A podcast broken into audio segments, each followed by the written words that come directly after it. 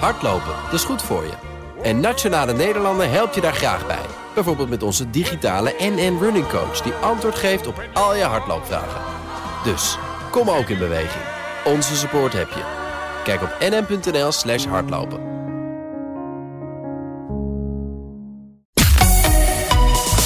BNR Nieuwsradio. Boekenstein en de Wijk. Hugo Reitsma.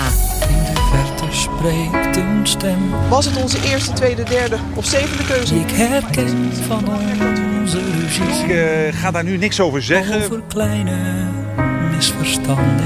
Er is er toch nog één. Grote desillusies. Om vandaag weer een stap verder te komen. Luister Ja, dankjewel. jouw woorden. dat we behoefte hebben aan, eh, aan een nieuwe bestuurscultuur. Nieuwe start, Zinnen een nieuwe cultuur, met een nieuw programma. Maar ik houd er echt blik Dat is nu meestal formeel. Misschien nu wel. Van het Haagse treurspel naar uw favoriete drama van Boekenstein en de Wijk. Op zoek naar de nieuwe wereldorde. Met in de studio. Die twee die er altijd zijn.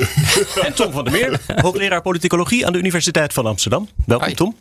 Eh, VVD en D66 zijn na 200 lange dagen een beetje terug bij af. Een eh, onvermogen dat we ook kunnen herkennen in landen om ons heen. Daarover eh, later meer. Maar eerst, eh, Tom, waar zitten we nou naar te kijken daar in Den Haag? Dat die middenpartijen zo moeilijk tot iets kunnen komen. Nou, we zitten eigenlijk te kijken naar het eindspel van een systeem dat 40 jaar mooi heeft gewerkt. Oh, dat klinkt En, al meteen heel Boekenstein en de ja. Een eindspel. Ja. Gelukkig. Maar een systeem dat niet echt op het einde begint te lopen. Dus we hebben 40 jaar lang gewerkt met brede coalities, met eh eh, gedetailleerde regeerakkoorden, eh, met vooral heel veel nadruk op besturen. En we weten dat, dat die brede coalities en die gedetailleerde regeerakkoorden leiden er vaak toe dat kiezers naar de flanken gaan. En steeds werd dat midden iets kleiner, steeds weer iets kleiner. En steeds vaker werd gezegd, dit is nu de laatste kans van het midden. Wat vaak betekende dat dat midden zich nog krampachtiger aan elkaar ging vasthouden in een dodelijke wurggreep. Dat eh, eh, ze nog gedetailleerdere regeerakkoorden gingen maken. Waardoor ze zichzelf niet meer konden profileren. En die kiezers eigenlijk bijna naar de flanken jagen. Ja. Dus als, eh, als ervaringsdeskundige herken jij dit? Nou ja, dit herken ik zeker. Maar wat ik het met name zo erg aan vind. Ik ben een man van het midden. Dus dan moet je dus ook een beetje netjes met het midden omgaan. Hè? Ik vind het tegenwoordig moeilijk om dus heel kritisch op Kaag te zijn. Terwijl ze een heleboel onverstandige dingen doet. Omdat, ja, dan maak ik het midden zelf ook nog zwakker. Hè? Maar goed, het is nu wel een moment dat het erg makkelijk wordt. Om dat midden nog meer te bekritiseren. Want dit had, wat er nu gebeurt, had natuurlijk een paar maanden geleden ook gekund. Hè? En eh Kaag komt er niet leuk uit. Ja, dat hangt er vanaf eh, wat er straks gaat gebeuren met een kabinet. Maar ik denk dat, dat de vraag nog relevanter is. Kijk, ik ben ook zo langzamerhand totaal afgehaakt met wat er gebeurt. Dat ben ik trouwens al een hele tijd hoor, met, eh, met de politiek. Ik bedoel, het is dat het gedeeltelijk mijn werk is en dat je er tegenaan moet bemoeien. En dat je heel veel politici kent. Maar eh, ik, het ongenoegen wat ik heb, merk ik overigens ook bij heel veel politici. Ik weet niet of dat jouw ervaring is, Zeker, ook is, Arend-Jan. Maar de grote vraag is, hoe krijg je mensen als ik terug? Hoe doe je dat nou? Nou, En dan, natuurlijk, dan is het stil. Dan, dat is heel ernstig hoor. Nou ja, ja nee. Kijk, in, als, als het zo doorzet wel. Maar in de kern is de betrokkenheid bij de politiek in Nederland heel groot. Eh, we zien het ook bij de opkomstcijfers. We zien het aan de vertrouwenscijfers. Die betrokkenheid en die, dat vertrouwen dat daalt de laatste maanden heel hard. Voor een deel is dat ook een correctie op het hoge vertrouwen tijdens de coronacrisis. Dus daar kunnen we eigenlijk blij om zijn. Want dat blinde vertrouwen van vorig jaar, dat is ook niet heel goed voor je democratie. Maar daarnaast zie je dat mensen echt een hekel hebben aan, aan dat gekronkel en, en, en, en die stilstand. Eh, dat, dat problemen niet hard worden aangepakt. Maar dat hebben we vaker gezien. Dit zagen we ook heel duidelijk onder kabinet Balkenende 2. Met een lange formatie met de PvdA die mislukte. En daarna een, een regering die nou, niet heel erg responsief was naar de behoeften van de bevolking. Eh, we zagen het onder Balkenende 4 heel duidelijk. Met een regering die niet echt daadkrachtig kon reageren op de crisis. Dat vertrouwen ging dan ook heel erg omlaag. En bij nieuwe verkiezingen, Nou. en vooral een nieuwe generatie politici, dan kan het vertrouwen zich weer herstellen. De vraag is of, nou, in dit- geval zou de verkiezing niet helpen, want er gaat geen nieuwe generatie komen. Nee. En de structurele problemen, die de oorzaak zijn van de huidige impasse, die gaan ook niet veranderen door nieuwe verkiezingen. Maar ik maak wel een heel goed onderscheid tussen het kabinet en het parlement. Het kabinet, die snapt tenminste nog wel dat ze een bepaalde verantwoordelijkheid hebben. Maar bij het parlement zie ik dat jaar in jaar uit minder worden. Het polariseert. eh, het is eh, een soort overtreffende traf soms van hysterie en, en meningen. Eh, en dat vind ik buitengewoon vervelend. Want eh, als je kijkt, eh instrumenten als, als ja, tegenwoordig krijg je de ene motie naar de andere aan je, aan je broeken. Dat was vroeger, was dat echt ongebruikelijk. En nu is het alleen maar iets om in de krant te komen en om naar buiten toe te kunnen zeggen dat je ook wat gevonden hebt in een bepaald dossier. Maar dat holt wel zo'n parlement in mooi tempo uit, vind ik. Er is ook geen, geen kennis meer uh, op een hele hoop dossiers in het parlement. Dat is ook echt wezenlijk anders dan, dan jaren geleden. Hoe kijk jij daar tegenaan? Nou, de, de rollen van de regering en het parlement zijn ook echt verschillend. Dus een, een regering moet besturen. En de Tweede Kamer moet primair dat bestuur controleren en de bevolking vertegenwoordigen. Maar die rollen die zijn met elkaar verknoopt geraakt. Ja, exact. Je ziet een regering Ja, die ook een stukje volksvertegenwoordiging wil doen. Ja. En een Tweede Kamer die heel graag wil gaan meebesturen. Ja. En daar zit voor een groot deel het probleem. Exact. Dus eh, polarisatie is in het parlement, dat zien we nu vooral in een conflict van de gevestigde elite, het bestuur tegenover de uitdagers. Dat zien we ook in campagne steeds weer. Twee jaar geleden was het eh, Rutte tegenover Baudet. Dat, dat steeds ook in de media, maar ook door die partijen zelf heel erg wordt opgeklopt. Als, alsof dat het grote dominante conflict in de politiek is. Eh, we zien het eh, dit jaar met, met Rutte tegenover Wilders. Eigenlijk in de hele formatiestrijd de hele tijd. De gevestigde macht tegenover wat dan nu is de nieuwe bestuurscultuur. Waarbij niemand echt wil aangeven wat ze daarmee bedoelen. Nee, misschien is die nieuwe bestuurscultuur eh, wel dat we teruggaan naar af. Waarbij de regering regeert en de Kamer controleert. Ja, dat zou mooi zijn. Eh, maar dat is dus een oude bestuurscultuur, hè? exact. Dat, dat is terug naar eigenlijk eh, Hoe het moet. voor de jaren Nou ja, ik 70. bedoel, ze hebben, eh, de Kamer heeft natuurlijk wel medewetgevingsbevoegdheden. Ze kunnen wel wat. Maar dan moet je denk ik spaarzaam gebruik van maken. Dat denk ik ook. Maar, maar het conflict zelf, dus dat, dat conflict van de, de, de macht tegenover de uitdager, dat is de meest platgeslagen vorm van politiek conflict dat je maar kan bedenken. Wat een, een die polarisatie, die, die, die hindert eigenlijk het parlement zelf. Maar wat je eigenlijk wil, is een soort van inhoudelijke conflict. En dat ontbreekt met name in het politieke midden. Gewoon dat die politieke partijen daar aangeven wat hun eigen visie is. Dat ze zich niet vastklinken aan een regeerakkoord. En dan vier jaar lang zeggen: Ik sta voor mijn handtekening onder dat ak- akkoord dat ik vier jaar geleden in een achterafkamertje heb gesloten, beste kiezer. En dat ze gaan aangeven: Ik wil dit bereiken. En dit regeerakkoord, dat helpt me wel of helpt me niet. Dat deed Bolkestein heel duidelijk. Dat heeft Segers gedaan. Maar de meeste partijen die volgen eigenlijk de lijn van de PvdA van Diederik Samsom. Die zeggen: Dit regeerakkoord, nou, dat is echt het beste ooit. en zelfs als kiezers tevreden zijn met het beleid. Hebben ze nog steeds geen idee waarom ze bij die partij moeten blijven hangen. Ja, Tom, wij kijken in het programma natuurlijk graag over de grens. Zie jij in, in andere landen een vergelijkbaar eindspel? Eh, nou, daar begint het pas. Eh, de, in de politicologie zien we. eh, ehm, Dus de kanarie in de mijn eigenlijk, Nederland. Eigenlijk wel. Ja. Dat komt door ons kiesstelsel. Dat is heel open, waardoor heel veel ontwikkelingen zich hier eerder voordoen. En een paar structurele ontwikkelingen zijn dat de kiezer is gaan kiezen. Voor de democratie heel goed. Maar dat leidt er ook toe dat, dat er geen echt grote partijen meer bestaan. Dus je krijgt fragmentatie. Dat zien we ook in steeds meer landen. Dat zien we in, in België, dat zien we in Duitsland, dat zien we in Zweden, dat zien we zelfs in het Verenigd Koninkrijk. Die versnippering neemt gewoon toe. Ehm, en het wordt in sommige landen onderdrukt door het kiesstelsel. Maar een tweede ontwikkeling is dat we ehm, dat, de structuur van het partijstelsel is veranderd. Vroeger hadden we drie grote bloedgroepen in de politiek. Je had de Sociaaldemocraten, je had de Liberalen en je had dan de Christendemocratie. En die positioneerden zich vaak een beetje in het midden tussen die twee, zodat ze de ene keer een beetje naar links kunnen hellen en de andere keer naar, naar rechts kunnen hellen. Dat veranderde met de opkomst van, van Pim Fortuyn in Nederland, 9-11. Het was een internationale verandering.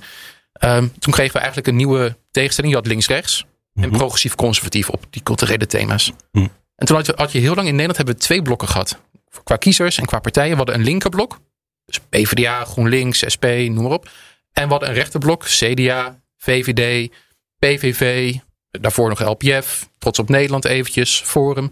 Dat waren twee blokken. En kiezers waren behoorlijk trouw aan die twee blokken. Mhm. Maar dat rechterblok is inmiddels in tweeën gescheurd. Dus Ah, ja. we- er zijn nu twee blokken daar. We hebben een centrumrechtsblok. CDA, VVD. En we hebben een radicaal rechtsblok. PVV, Forum. Dat zien we bij de kiezersbewegingen. Maar dat zien we ook in Maar de in politiek. bijna van elke gematigde partij heb je een extreme variant. Ja, maar dit gaat Eh, verder dan de extreme varianten. Dit, dit is gewoon echt een scheuring in het Ja, dat partijstelsel. begrijp ik. en en die, die PVV en Forum, die ook in, in, in het parlement, die, die mogen eigenlijk niet meedoen met de onderhandelingen voor de machtsvorming. Dat compliceert eh, de, de, de machtsvorming, dat compliceert de formatie. Maar hoe komt dit nu- nou? Je moet steeds, moet je nu als partij, moet je van centrumrechts bijvoorbeeld, moet je denken, oké, ik moet in ieder geval een partij meenemen uit een van de andere blokken. En dat is moeilijk. En dit zien we hetzelfde zien we nu gebeuren in Duitsland met de AFD. We zien hetzelfde gebeuren in Zweden met de Zweden-Democraten. Waardoor het niet meer zo makkelijk is om de ene keer de, de ene kant op te hellen en de andere keer de andere kant op te hellen. ja. Maar- maar die, die partijen mogen niet meedoen. Maar waarom zie je dit in alle landen op dit ogenblik? Je ziet het in Duitsland, Frankrijk. Ik bedoel, dat is allemaal wat simpeler, maar daar zie je het feitelijk ook. De Verenigd Koninkrijk. Hoe kan dat nou? Wat zit hier nou ten diepste achter? Nou, de eerste is, is dat eh, een aantal van de klassieke partijen eh, Sociaaldemocraten, Christendemocraten, zelfs de Liberalen niet in staat zijn geweest om te reageren op die nieuwe grote thema's. Mhm. Eh, dus migratie, multiculturele samenleving, Mhm. Europa. Ja, dus het echt, een internationale, echt- een internationale oorzaak heeft dat. Ja, klopt. Dat is echt een grote verandering. ja, en ik we dus bij de VVD heel duidelijk in het verleden. Afsplitsing van, van Wilders, afsplitsing van Rita Verdonk. Die, die, die hadden maar geen antwoord op. De PvdA worstelt hier al twintig jaar mee. Het CDA worstelt hier al twintig jaar mee. Dus dat is een eerste probleem. En dat zien we ook internationaal. En een tweede reden is dat ehm, wanneer politieke partijen kiezen voor die brede coalities uit het midden. Zoals ook in Duitsland de grote coalitie. Dan ontstaat er dus ruimte aan de flanken voor alternatieven. Zoals de alternatieven voor Duitsland. Ja. Dan, dan kunnen kiezers eerder weer daarheen. En dat, dat het van het van keer op keer of die partij het dan wel of niet goed zal doen. Maar het midden wordt door die hele brede coalities steeds iets kleiner. En er zijn alternatieven. Je hoeft niet elke keer dwars door het midden te formeren. Maar hou je nu een pleidooi om wel met de AFD in de coalitie? eh, Nou ja, ik denk dat nu op, op verschillende eh, plekken in Europa. dat je nu inmiddels in een lastige situatie zit. omdat je die partijen niet eerder goed hebt ingekapseld. In het verleden gebeurde het ook in Nederland wel vaker. Er kwamen de nieuwe partijen op, die hadden radicale ideeën. En wat deden we dan in onze cultuur? Nou, die partijen nam je binnen een paar jaar mee in de regering. en dan matigden ze zichzelf. Dat, dat deden we met D66. Die het systeem wilde opblazen. en in binnen een paar jaar onderdeel werd van dat systeem. Eh, het gebeurde met, met de LPF, om een heel ander voorbeeld te geven. Maar als je die partijen er buiten laat, dan, dan hou je ruimte voor radicalisering. En dan zorg je er ook voor, want je geeft ze geen bestuursverantwoordelijkheid. Ehm, en en ehm, die partijen worden ook groter. Dus dan wordt het moeilijker om ze in te kapselen. Dus ik denk dat, dat we het nu op een punt zitten dat het moeilijk is geworden. Ja, maar het is ook lastig om ze bestuurlijke verantwoordelijkheid te geven als je naar, naar partijen inzoomt. Hè. Ik zie bijvoorbeeld in. Wat ik, wat ik interessant in Nederland vind, is dus dat de PVV en Forum komen absoluut niet met alternatief beleid. Hè. Er komt helemaal niks, ze praten ook niet met elkaar. Wat, wat dat betreft kan dus het midden, heeft daar nog geluk bij. Het punt wat ik eigenlijk wilde maken is dat in Frankrijk is iets interessants aan de hand. In Frankrijk is, wat je daar ziet, is dat Macron, die heeft dus een verschrikkelijk rechtse minister aangesteld. Die begint de islam te bashen. Eh, en, en, en, en mevrouw Le Pen heeft daar last van. Die wordt ook weggezet, zelfs bij het tv-debat, als een softie op de islam. Hè? Dus eigenlijk waar ze mee bezig zijn, is wat wij even deden met de gedoogconstructie. Hè? Het, is een, het is een soortzelfde methode. Je flirt met het. eh, Nou, dat doen wij toch ook aan, Jan? Ik bedoel, dat is de reden waarom Nederland eh, zo eurosceptisch is eh, geworden. Die, die middenpartijen nemen de, de standpunten over Europa over van de flanken. En, en, en, en dus eh, vertelt Rutte een heel ander verhaal in Nederland dan buiten, het, eh, buiten Nederland over de Europese Unie. Dat is Dus- wat Cas wel vaker maakt. Het, het grootste succes van de nieuwe radicaal-rechtse partijen is niet zozeer dat ze zelf verantwoordelijk zijn voor het beleid. Dat is maar in een heel klein aantal landen. Maar dat ze de andere partijen, centrumrechts, Ja, exact. naar zich toe trekken. Ja. Omdat die bang zijn om die kiezers nog verder te En ik denk dat het onzin is. Ik denk dat je dat dus gewoon niet moet doen als, eh, als middenpartij. Ja, het probleem Want, wat je want wel daar- eerlijk. eh, ik bedoel, ik zei net eh, half voor de grap, maar het is wel, eh, denk ik wel waar. Je, je raakt mij kwijt als politiek. En dat komt hierdoor.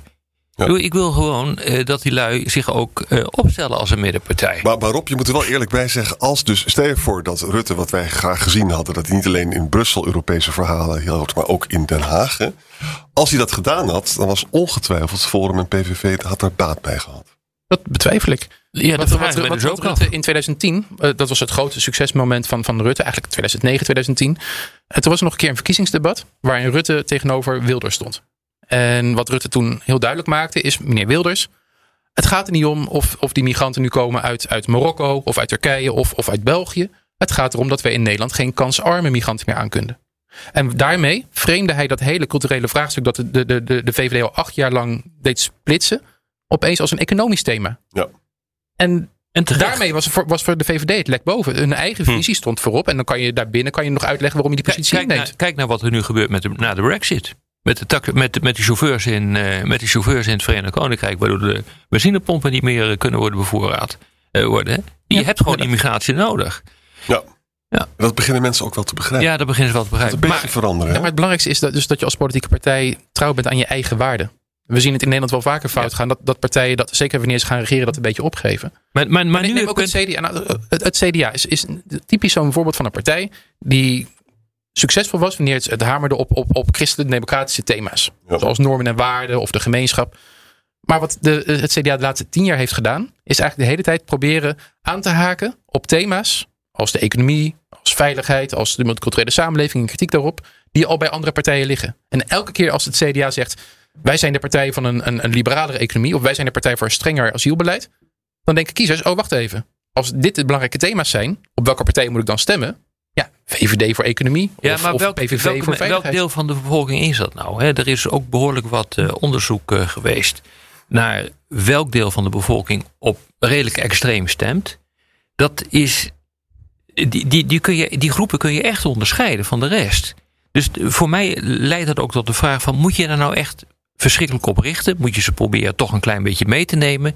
Maar moet je zo bang zijn voor die groepen, die pakweg 20% van het electoraat eh, vormen, dat je daar ook gewoon je hele beleid op gaat richten? Want dat gevoel krijg ik continu. Dat daar meer, da- dat daar ook in de media, moet ik onmiddellijk bij zeggen, meer eh, ehm, aandacht is voor die extreme dan voor wat er in het midden gebeurt. En ja, daardoor raak je nogmaals mij kwijt. Nou, ik, de- Ik heb daar gewoon geen zin in. de- ik, ik zou die groep allereerst niet extreem noemen. Wat we in, in, in de politieke, politicologie gebruiken we extreem voor, voor groepen kiezers die de democratie afwijzen en geweld voorstaan. Dit zijn Ja, dit noemen we radicale kiezers.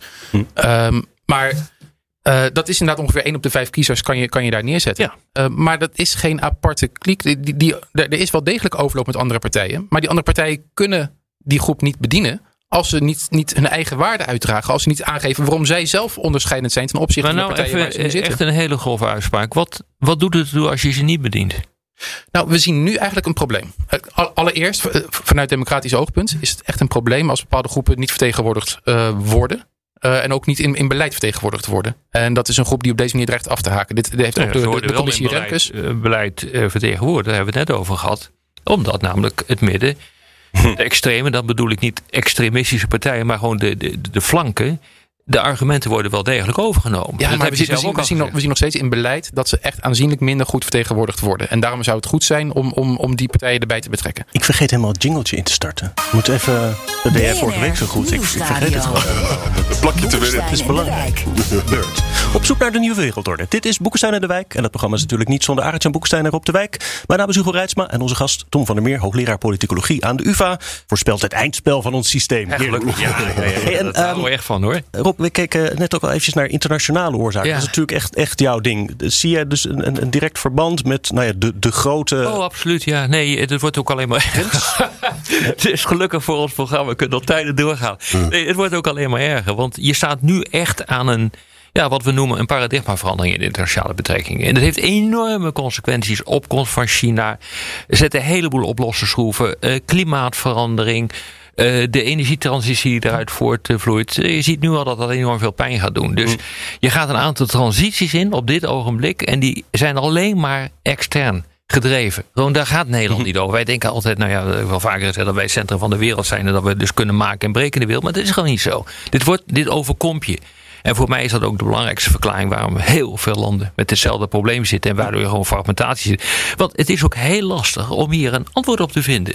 Op het moment dus dat je internationaal in een, in een redelijk kabbelende omgeving zit, waarbij alles duidelijk is. Koude oorlog, jaren na de Koude Oorlog, volstrekt helder wat er eh, toen aan de hand was. Ja, dan kun je, dan kun je een bepaalde richting wel opgaan. Maar dit vrij stuurmanskus. Maar het nog erger, dit vereist ook een visie waar je naartoe wil. En met technocratie, want dat is feitelijk waar het nu om draait. Waar, waar, waar, de, eh, waar de hele discussie over gaat. Met technocratie red je dat niet. Je moet nu dus gewoon komen met, met, met, politici die een lijn uit kunnen zetten. Die visie hebben. Die kunnen vertellen aan de bevolking van dit is er aan de hand en dat is nodig.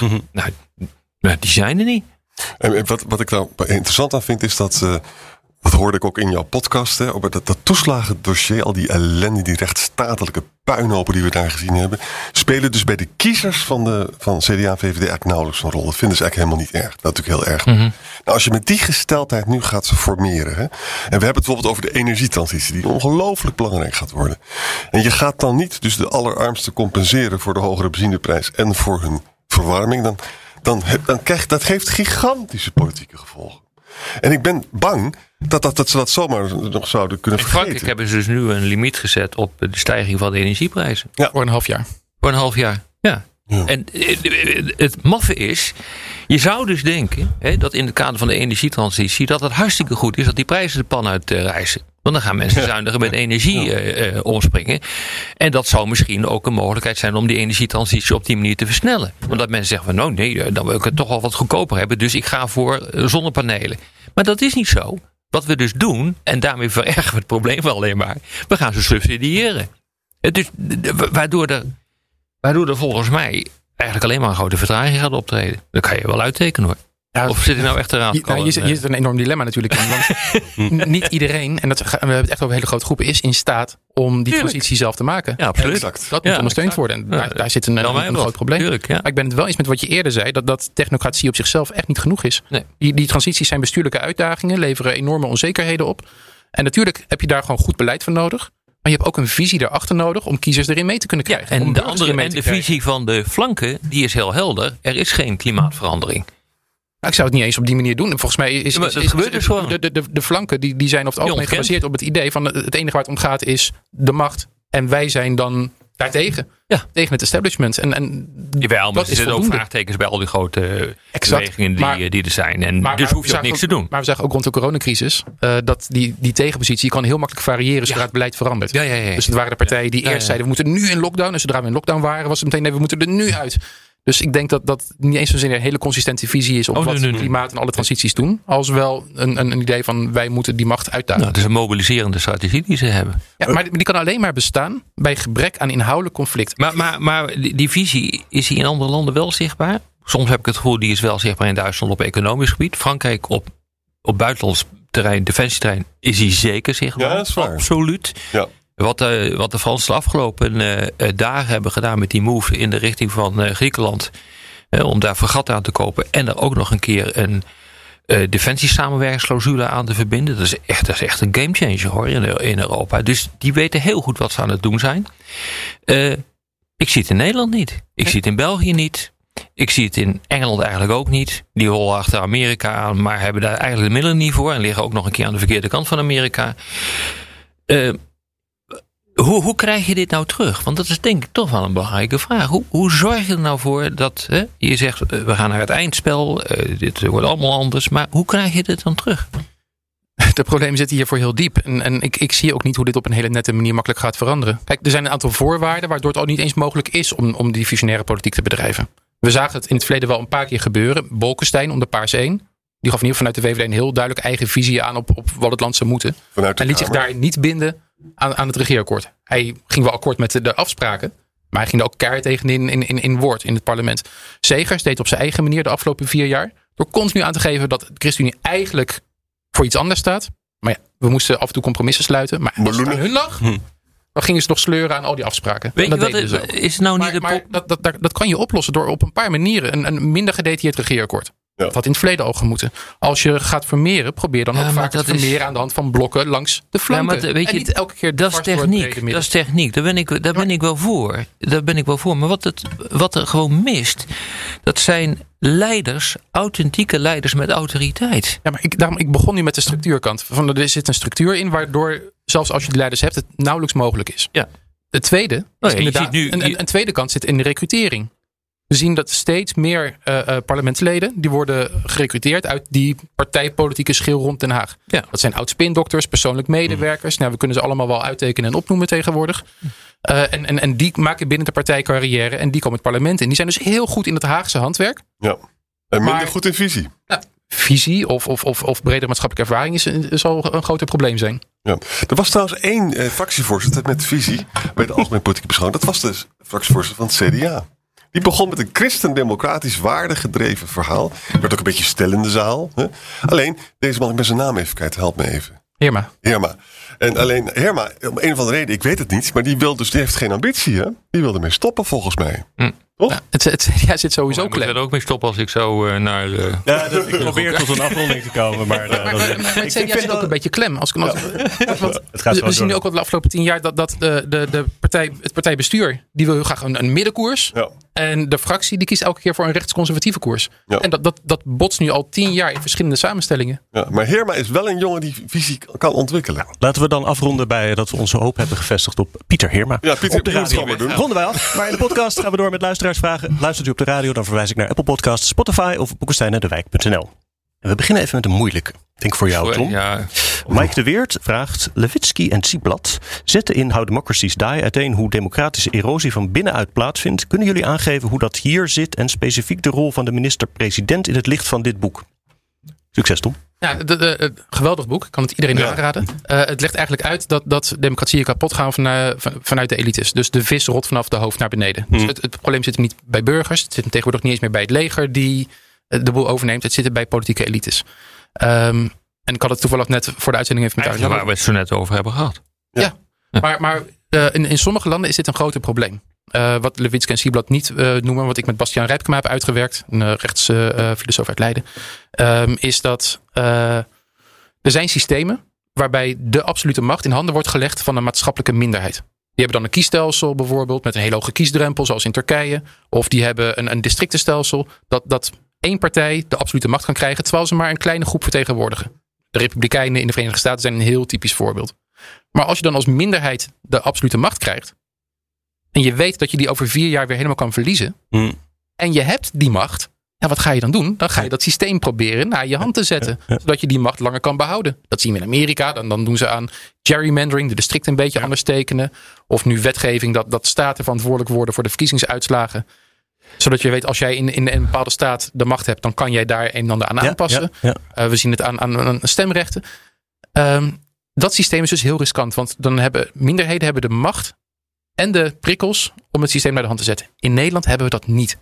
In Nederland hebben we altijd coalitieregeringen. Het is ondenkbaar dat stel dat de minister-president denkt ik wil het systeem naar mijn hand zetten.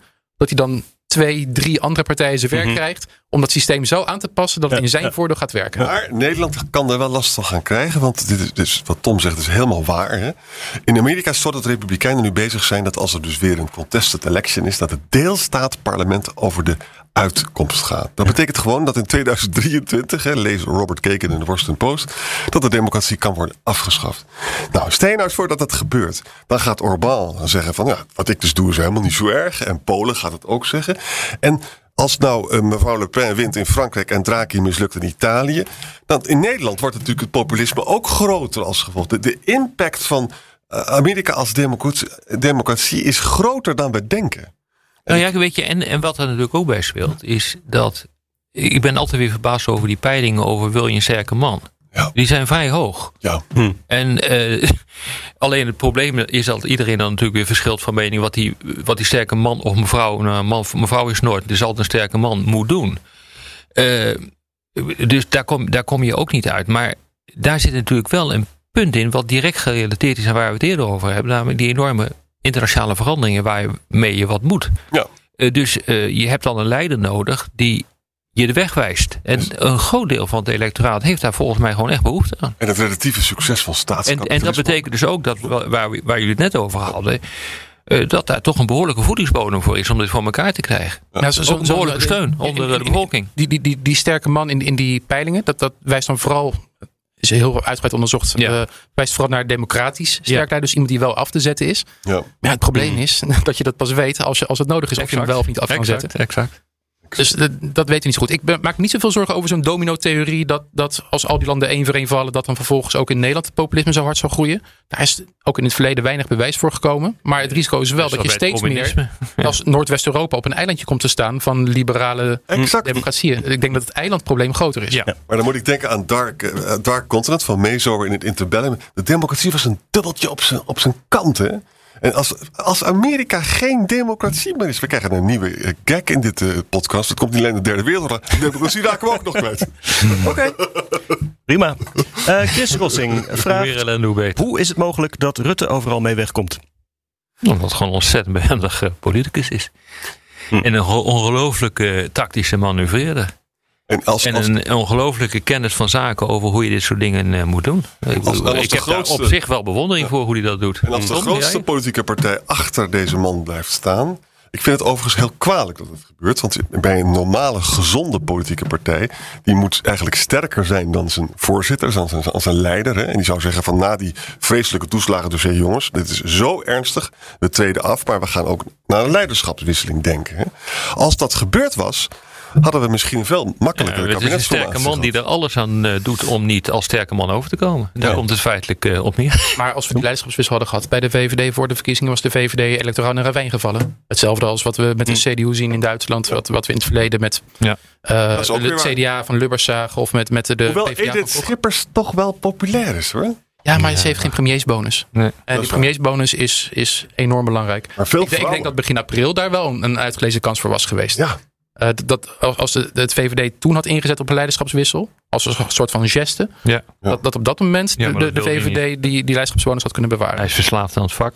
En, en nog één ding, hè. Rutte krijgt nu al die parlementaire enquêtes. Hè. Groningen, toeslagendossier.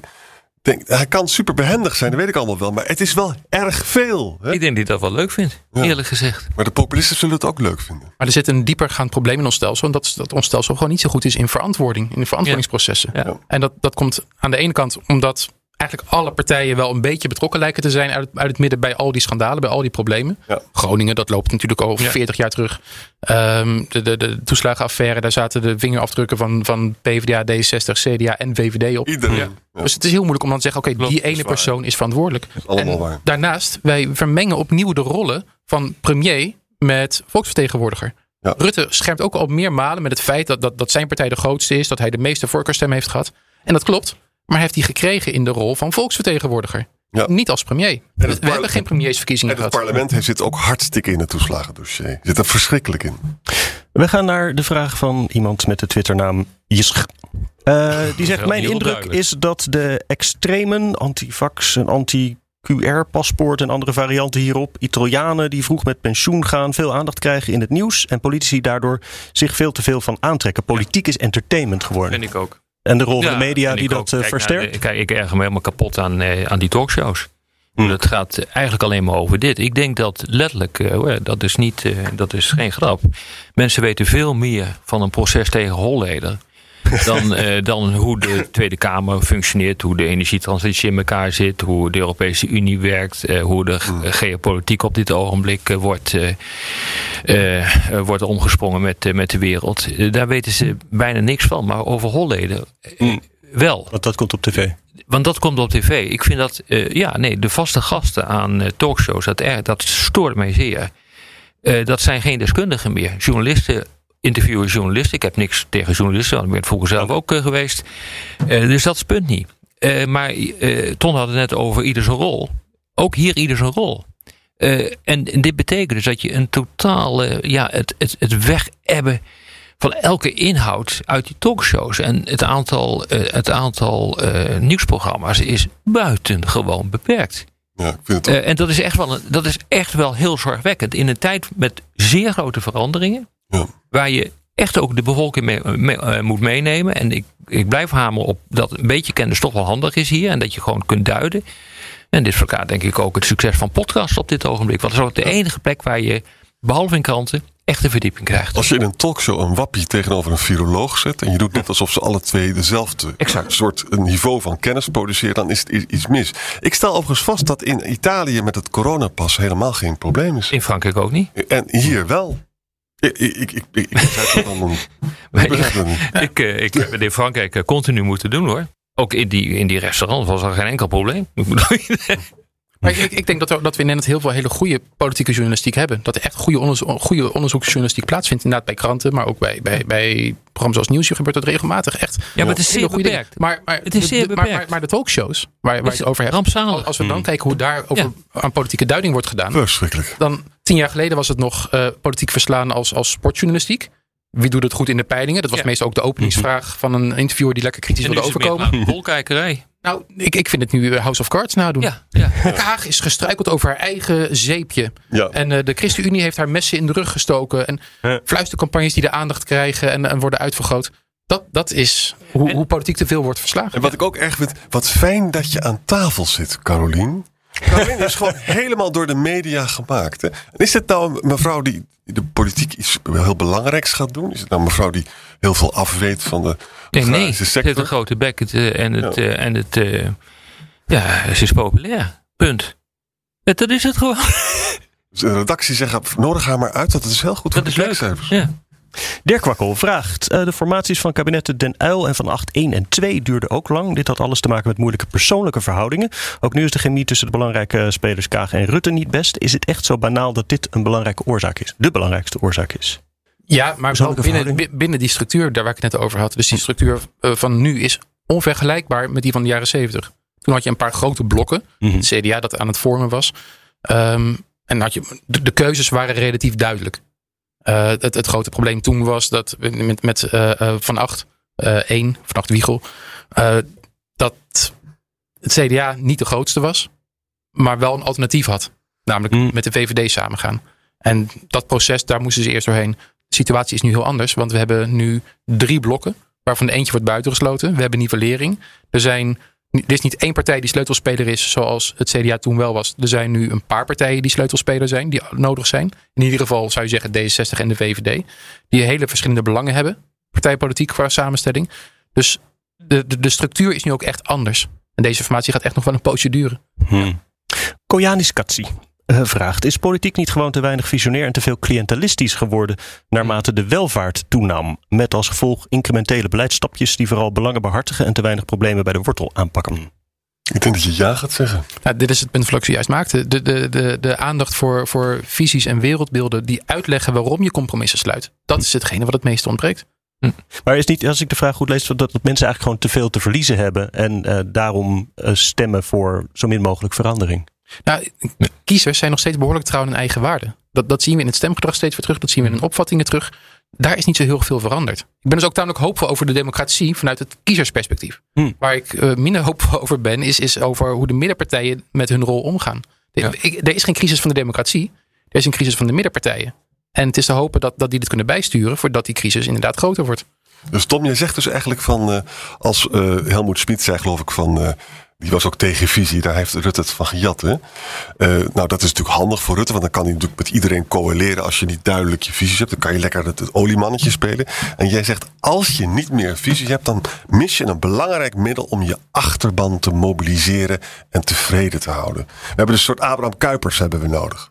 Nou, nou, niet alleen dat. Er zijn heel veel voorbeelden. Maar uiteindelijk komt het daar wel op neer. Nou is het voor, niet alleen Rutte die dit doet hoor. We hebben premier na premier na premier die probeert ideologisch toch wel wat gekleurd beleid te verkopen als puur pragmatisme. Hm. Uh, van dit is onvermijdelijk, dit is technocratie. En dat is prima, want dat is ook de rol die die moet hebben als bestuurder. Ja. Daar tegenover, tegenover zo'n sterke bestuurder zoals Rutte de facto is de afgelopen 10, 12 jaar, heb je ook een, een sterk parlement nodig. Die wel deze discussie voert over de waarden. Fractievoorzitter. En dat is hetgene wat het meest ontbreekt, naar mijn smaak. Dus niet zozeer dat, dat, dat, dat Rutte hier behendig in is, dat is één ding. Maar dat het parlement niet sterk genoeg is Hmm. om die, die discussie zelf te voeren. Fractievoorzitter moeten mensen binden met de grote verhalen. Ja. Tot aan de kleinste dorpjes. Ik denk dat we er nog eentje kunnen meenemen uh, van de juiste mening. Uh, die is wel benieuwd of uh, Tom van der Meer zich ook zorgen maakt over het gebrek aan een groter conservatief linksblok. Waardoor een groot deel van dat potentiële e electoraat, praktisch opgeleid, lager inkomen, traditionele waarden, nu gedwongen wordt hun heil elders te zoeken. Ja, ik zal me even uitleggen wat je achter zit. We hebben dus tegenwoordig twee grote tegenstellingen in de politiek. Economisch links-rechts. Dat is de oude die we misschien wel kennen. Um, en dan heb je kiezers aan die linkerhoek die zijn voor, voor meer herverdeling, meer goede, een goede welvaartsstaat. En we hebben die culturele thema's. Uh, dan heb je progressief, uh, voor de multiculturele samenleving, uh, niet kritisch over immigratie, pro-EU. En de conservatieve groep uh, die daar veel sceptischer over staat. En in Nederland zijn de, de partijen die economisch, sociaal-economisch links zijn, zijn over het algemeen een beetje geclusterd in die progressieve hoek. Ja, ja, ja. Tot en met een beetje ambivalent. Maar echt een, een, een links-conservatieve partij, dat kennen we niet. Is, dat, is de SP dat niet? Nou, die, die flirt daar een beetje mee. Maar die is daar juist op het moment dat de relevante positie werd, daar weggetrokken. Dus de SP van begin jaren 90 was nog heel kritisch over de NAVO, over de, toen nog de Europese gemeenschap. Maar die is daar juist uit weggetrokken Ja, ja. uh, in, in, in, in de periode daarna. Dus dat, dat ligt een beetje leeg. Ook de PVV zit daar niet. Elke keer als Wilders, die begon als een echt rechtse partij, Mhm. probeert naar, naar links te kruipen, dan heeft hij een afsplitsing aan zijn rechterkant. Dus hij kan niet te ver door. Dus die is ook ambivalent. Ja. Die kiezers die daar zitten, die moeten elke verkiezing opnieuw bepalen of ze hun stem nu primair laten bepalen door economie, door economische thema's. Dan komen ze uit bij een linkse partij. Of misschien door juist die culturele thema's. Dan komen ze eerder uit bij ja, een partij als de PVV of, of misschien een andere. Um, dus er is geen, niet één partij waarop de kiezers op allebei de thema's tegelijkertijd kunnen kiezen. En ja, dat is een zorg. En het is ook een, een, een, een vraag die al heel veel politicologen hebben geopperd de laatste tien jaar. Waar we geen antwoord op hebben. Waarom ontstaat daar nou geen succesvolle partij? Het is bijna wachten op een entrepreneur die wel dat gat weet te vinden. Dus links-economisch en cultureel uh, conservatief. Ja. Misschien kan Aart Jan in dat uh, gat springen. Ja, dat lijkt me een geweldig idee. Moet je weer overstappen van Volt naar iets nieuws. Maar Het wordt wel een beetje hopper dan, hè? Een beetje de grote tegenhanger, denk ik, van Volt. Maar Dit was er Boekenstein naar de Wijk. Namens Arend en Boekenstein en Rob de Wijk zeg ik dank voor het luisteren. Speciale dank aan Tom van der Meer. Vast meer hierover op de volgende Stuk Rood Vlees podcast. ongetwijfeld. En tot volgende week.